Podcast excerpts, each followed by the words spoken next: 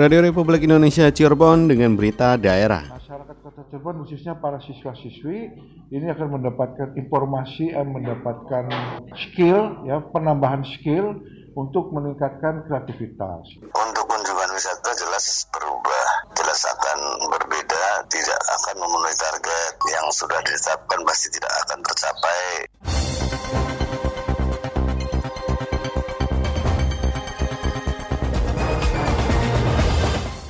Sari Berita, Kota Cirebon menjadi pilot project program pertukaran pendidikan seni Korea Indonesia.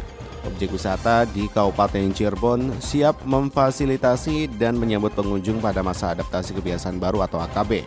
Bersama saya Hero Anwar, inilah berita daerah selengkapnya.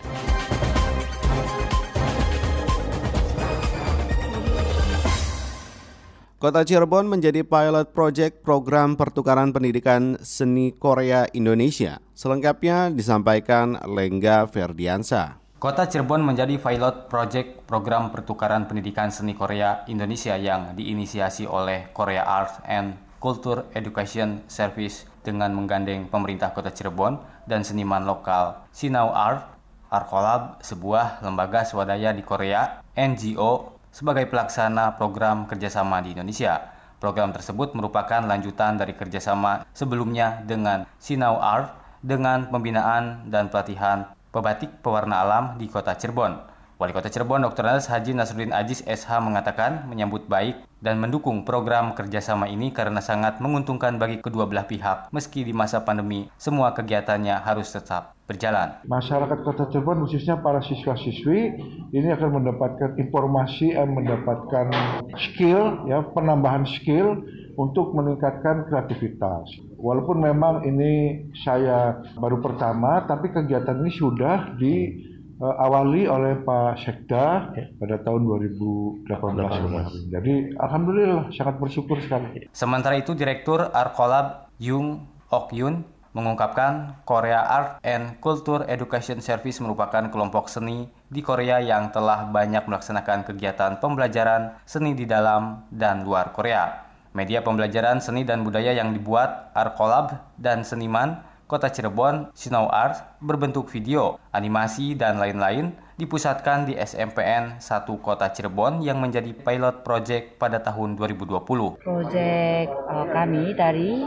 Arco Labs. Arco Labs itu sebuah pusat seni dan community development dari Jakarta Lalu kami mau bikin pembelajaran, materi pembelajaran yang bisa dipakai oleh sekolah-sekolah di Indonesia, Cirebon. tapi khususnya di Cirebon. Kepala Sekolah SMPN 1 Kota Cirebon, Lilik Agus Darmawan menjelaskan Peninjauan lokasi telah dilaksanakan, tinggal pelaksanaan pembelajaran yang akan dilakukan secara offline dan online. Lengga Ferdiansah melaporkan. Objek wisata di Kabupaten Cirebon siap memfasilitasi dan menyambut pengunjung pada masa adaptasi kebiasaan baru AKB. Informasi selengkapnya dilaporkan CC Rukmana. Yang orang Cirebon silakanlah datangi tempat-tempat wisata yang ada di Cirebon begitu. Tidak usah keluar Cirebon dulu.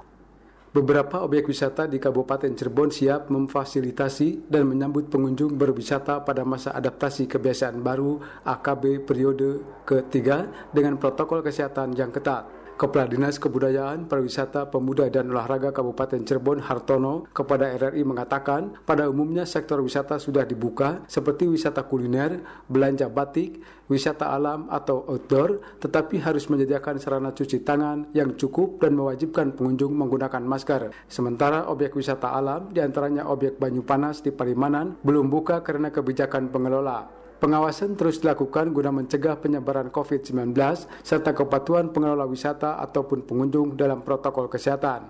Pandemi COVID-19 menyebabkan target kunjungan wisata di Kabupaten Cirebon tidak tercapai. Untuk kunjungan wisata jelas berubah, jelas akan berbeda, tidak akan memenuhi target yang sudah ditetapkan pasti tidak akan tercapai karena apa? Juga masih takut untuk bepergian gitu, termasuk datang ke Cirebon. Oleh karenanya untuk memperbanyak jumlah kunjungan kami menyarankan ke wisatawan lokal.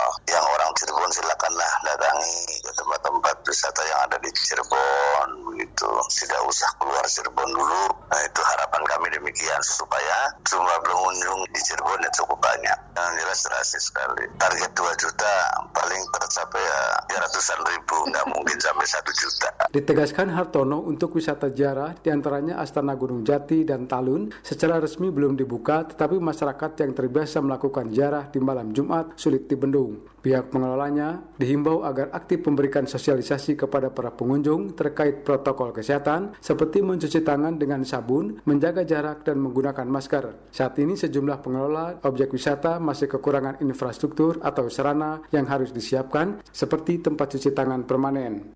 Cecer Ke mana melaporkan. Jumlah kasus terkonfirmasi positif di Kabupaten Cirebon kembali bertambah 7 orang. Penambahan tersebut merupakan kasus ke-149 hingga ke-155. Kasih surveillance dan imunisasi bidang pencegahan dan pengendalian penyakit P2P Dinas Kesehatan Kabupaten Cirebon, Dedi Supriyatna Aris mengatakan adanya penambahan kasus tujuh orang terkonfirmasi positif sehingga Jumlah totalnya menjadi 155 orang. Tiga orang tiga orang konfirmasi COVID-19 dari kluster kotak kontak erat di Kecamatan Mundu. Tiga lainnya merupakan kluster Gunung Jati dari kontak erat dengan kasus konfirmasi positif. Satu orang lagi yaitu kluster Duku Puntang dan memiliki riwayat perjalanan dari Bekasi. Semuanya melakukan isolasi mandiri karena tanpa gejala.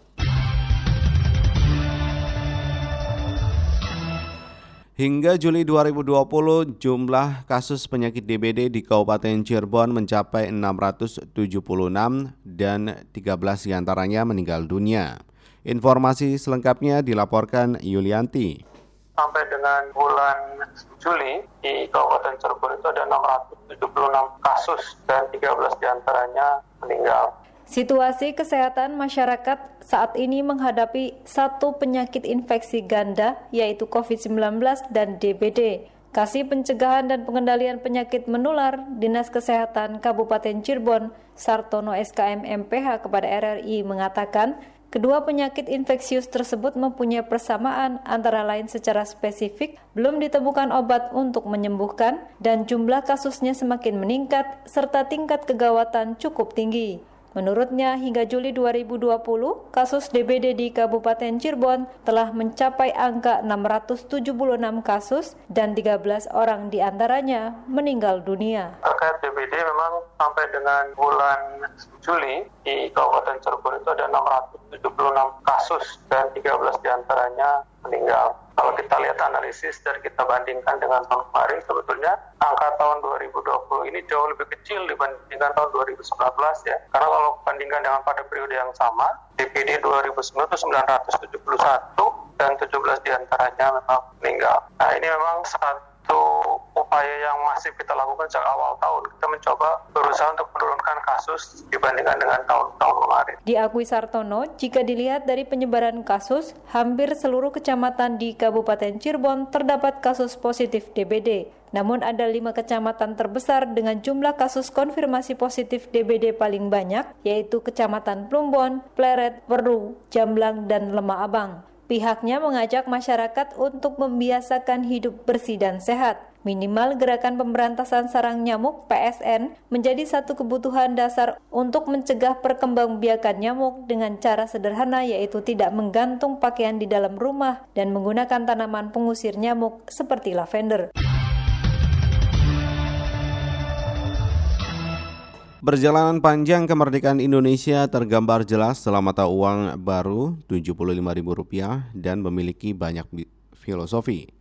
Laporan selengkapnya disampaikan Gina Oktaviana. Pemerintah dan Bank Indonesia BI telah meresmikan pengeluaran dan pengedaran uang edisi khusus yang diterbitkan pada momen peringatan Hari Kemerdekaan ke-75 Republik Indonesia UPK 75 tahun RI, pecahan Rp75.000 di Jakarta. Pengeluaran dan pengedaran UPK 75 tahun RI merupakan wujud rasa syukur atas anugerah kemerdekaan dan pencapaian hasil pembangunan selama 75 tahun kemerdekaan Indonesia. Kepala Departemen Komunikasi Bank Indonesia Oni Wijanarko mengatakan mengatakan peresmian tersebut menandai mulai berlakunya uang rupiah kertas pecahan Rp75.000 sebagai alat pembayaran yang sah, legal tender, juga sekaligus merupakan uang peringatan di wilayah Negara Kesatuan Republik Indonesia NKRI. Dalam peresmian tersebut, pemerintah menyampaikan bahwa peluncuran UPK 75 tahun RI bukan sebagai tambahan likuiditas untuk kebutuhan pembiayaan atau pelaksanaan kegiatan ekonomi. Selain sebagai wujud syukur, pengeluaran dan pengedaran UPK 75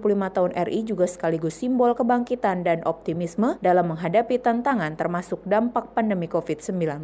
Oleh karena itu, makna filosofis yang tertuang dalam UPK 75 tahun RI tersebut adalah mensyukuri kemerdekaan Republik Indonesia yang sudah berlangsung selama 75 tahun, memperteguh kebinekaan dan menyongsong masa depan Indonesia yang gemilang. Makna filosofis selanjutnya di dalam UPK 75 tahun RI tersebut terrefleksikan dalam desain uang secara utuh, yakni peristiwa historikal proklamasi kemerdekaan RI 17 Agustus 1945 dan berbagai pencapaian pembangunan selama 75 tahun kemerdekaan menggambarkan wujud mensyukuri kemerdekaan. Keberagaman pakaian adat dan motif kain Nusantara mencerminkan semangat memperteguh kebinekaan. Satelit Merah Putih sebagai jembatan komunikasi NKRI menuju Indonesia Emas 2045 merupakan optimisme menyongsong masa depan gemilang. UPK 75 tahun RI dilengkapi dengan unsur teknologi pengaman terbaru dan menggunakan bahan kertas yang lebih tahan lama. Inovasi ini dimaksudkan agar uang rupiah semakin mudah untuk dikenali ciri keasliannya, nyaman dan aman untuk digunakan, serta lebih sulit untuk dipalsukan. Sebagaimana uang peringatan yang diluncurkan secara khusus, inovasi dan penyegaran uang rupiah terus dilakukan secara berkala dan terencana untuk memastikan rupiah tetap menjadi kebanggaan kita bersama sebagai simbol kedaulatan negara kesatuan Republik Indonesia. Oni menyampaikan dalam perjalanan sejarah, Bank Indonesia telah mengeluarkan uang peringatan HUT kemerdekaan RI sebanyak tiga kali, yaitu pada peringatan HUT kemerdekaan RI ke-25 tahun 1970, ke-45 pada tahun 1990, dan ke-50 pada tahun 1995. Dengan demikian, UPK 75 tahun RI yang dikeluarkan tahun 2020 merupakan kali keempat. Gina Oktaviana melaporkan.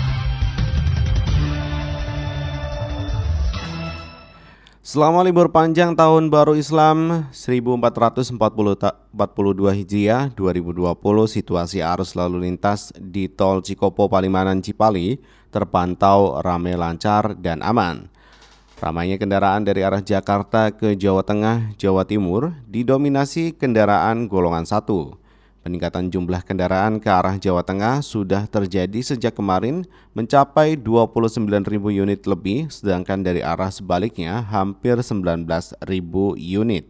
General Manager Operation Astra Tol Cipali Suyitno mengatakan pada pada libur tahun baru Islam kali ini membuka tujuh gardu utama arah Jawa Tengah, 7 unit gardu satelit dan 6 unit gardu utama ke arah Jakarta.